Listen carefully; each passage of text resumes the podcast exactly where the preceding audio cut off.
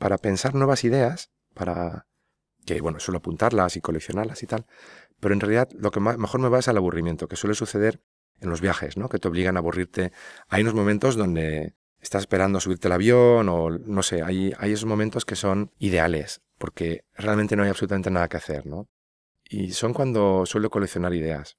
Me suelo obligar con una hojita y un boli a, no, aunque no tenga idea, estar anotando, dibujando, calculando y, es cuando surgen las ideas. Yo creo que el, aburrimiento puede ser muy productivo, ¿no? Porque te esfuerza a, a buscar salidas de ese aburrimiento. O sea, a no a llenarlo. Porque a lo mejor no tienes una revista, un videojuego o un móvil que puedas utilizar en ese momento, que eso sería llenarlo o distraerte, sino a, llenarlo de, pues de contenido, no sé. Había pensado, siendo mi currículum tal caos, em, que quizá podría encontrar la forma de convertirlo en algo coherente y de encontrar un lenguaje que, que se basara en las habilidades que tenía ya de mi carrera anterior y que otra gente no lo utilizara mucho. ¿no? Entonces empecé experimentando en Word y poco a poco me fui hacia Excel, porque Word era muy limitado. Y en Excel realmente hice unas cuantas piezas que muchas no se han visto nunca, ¿no? Pero, pero que, que yo sentía que era un poco diferente a lo que se solía ver.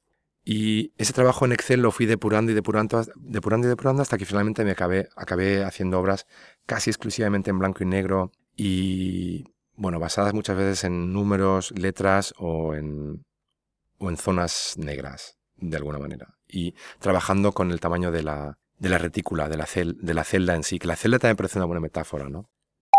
Yo lo veía como mi única, mi única salida. Yo creo lo veía como mi, mi única ventaja que tenían los otros artistas.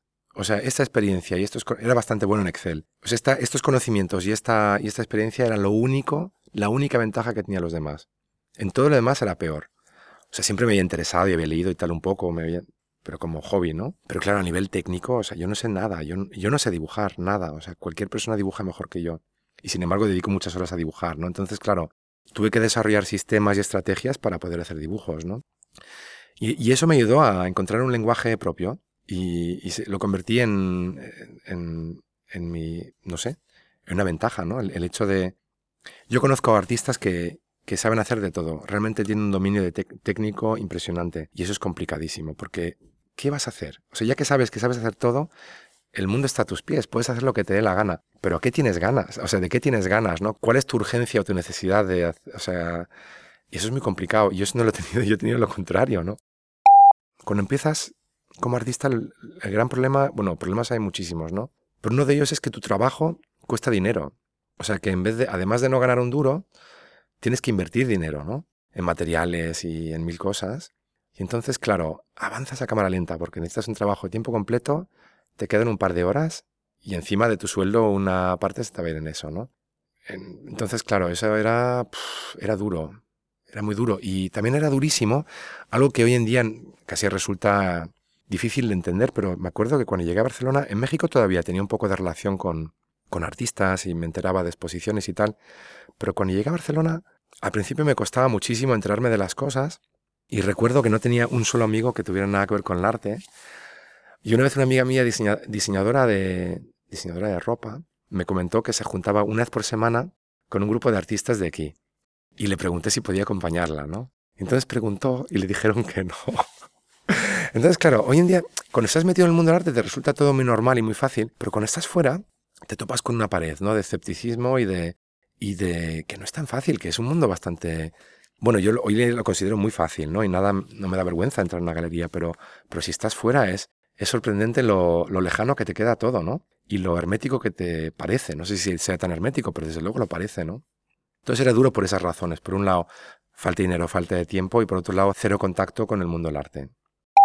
Cuando entro en una tienda de, material de oficina, no me pasa lo que uno podría imaginarse, que esta emoción tal, no. Como llevo muchos años trabajando con estos materiales, sé ya más o menos lo que, lo que me interesa y lo que necesito. Por ejemplo, en el tema de bolígrafos, puede haber 150 modelos de bolígrafos, pero claro, yo necesito un tipo de bolígrafo, que es un bolígrafo que no se borra eh, con la luz del sol, ¿no? Entonces, suelen quedar dos modelos en la tienda.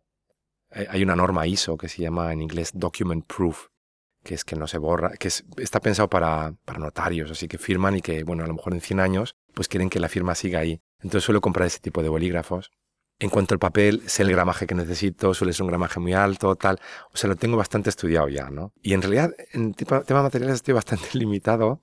Por ejemplo, el papel de dibujo en general lo compro en un taller de, de grabado directamente, que compran unos papeles particulares y les, yo les compro a ellos.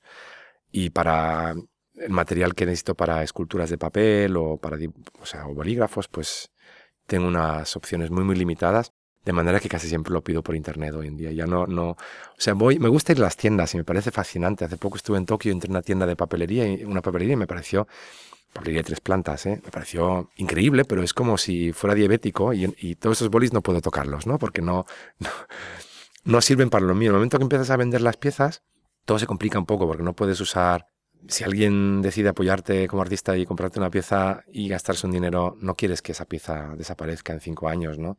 Y meterte en líos posteriores, ¿no? De... Entonces estoy un poco con las manos atadas, la verdad.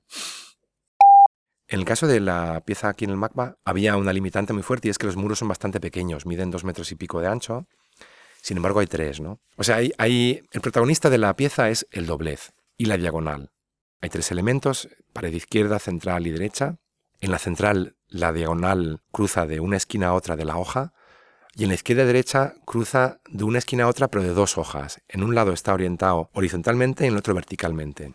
La gracia de la pieza es que en vez de colgar las hojas como una retícula, cuelgo las hojas de manera que el doblez es la línea horizontal. Entonces todas las hojas están torcidas y parece que los tres rectángulos de hojas, pared izquierda, central y derecha, estén haciendo un giro alrededor de ese doblez.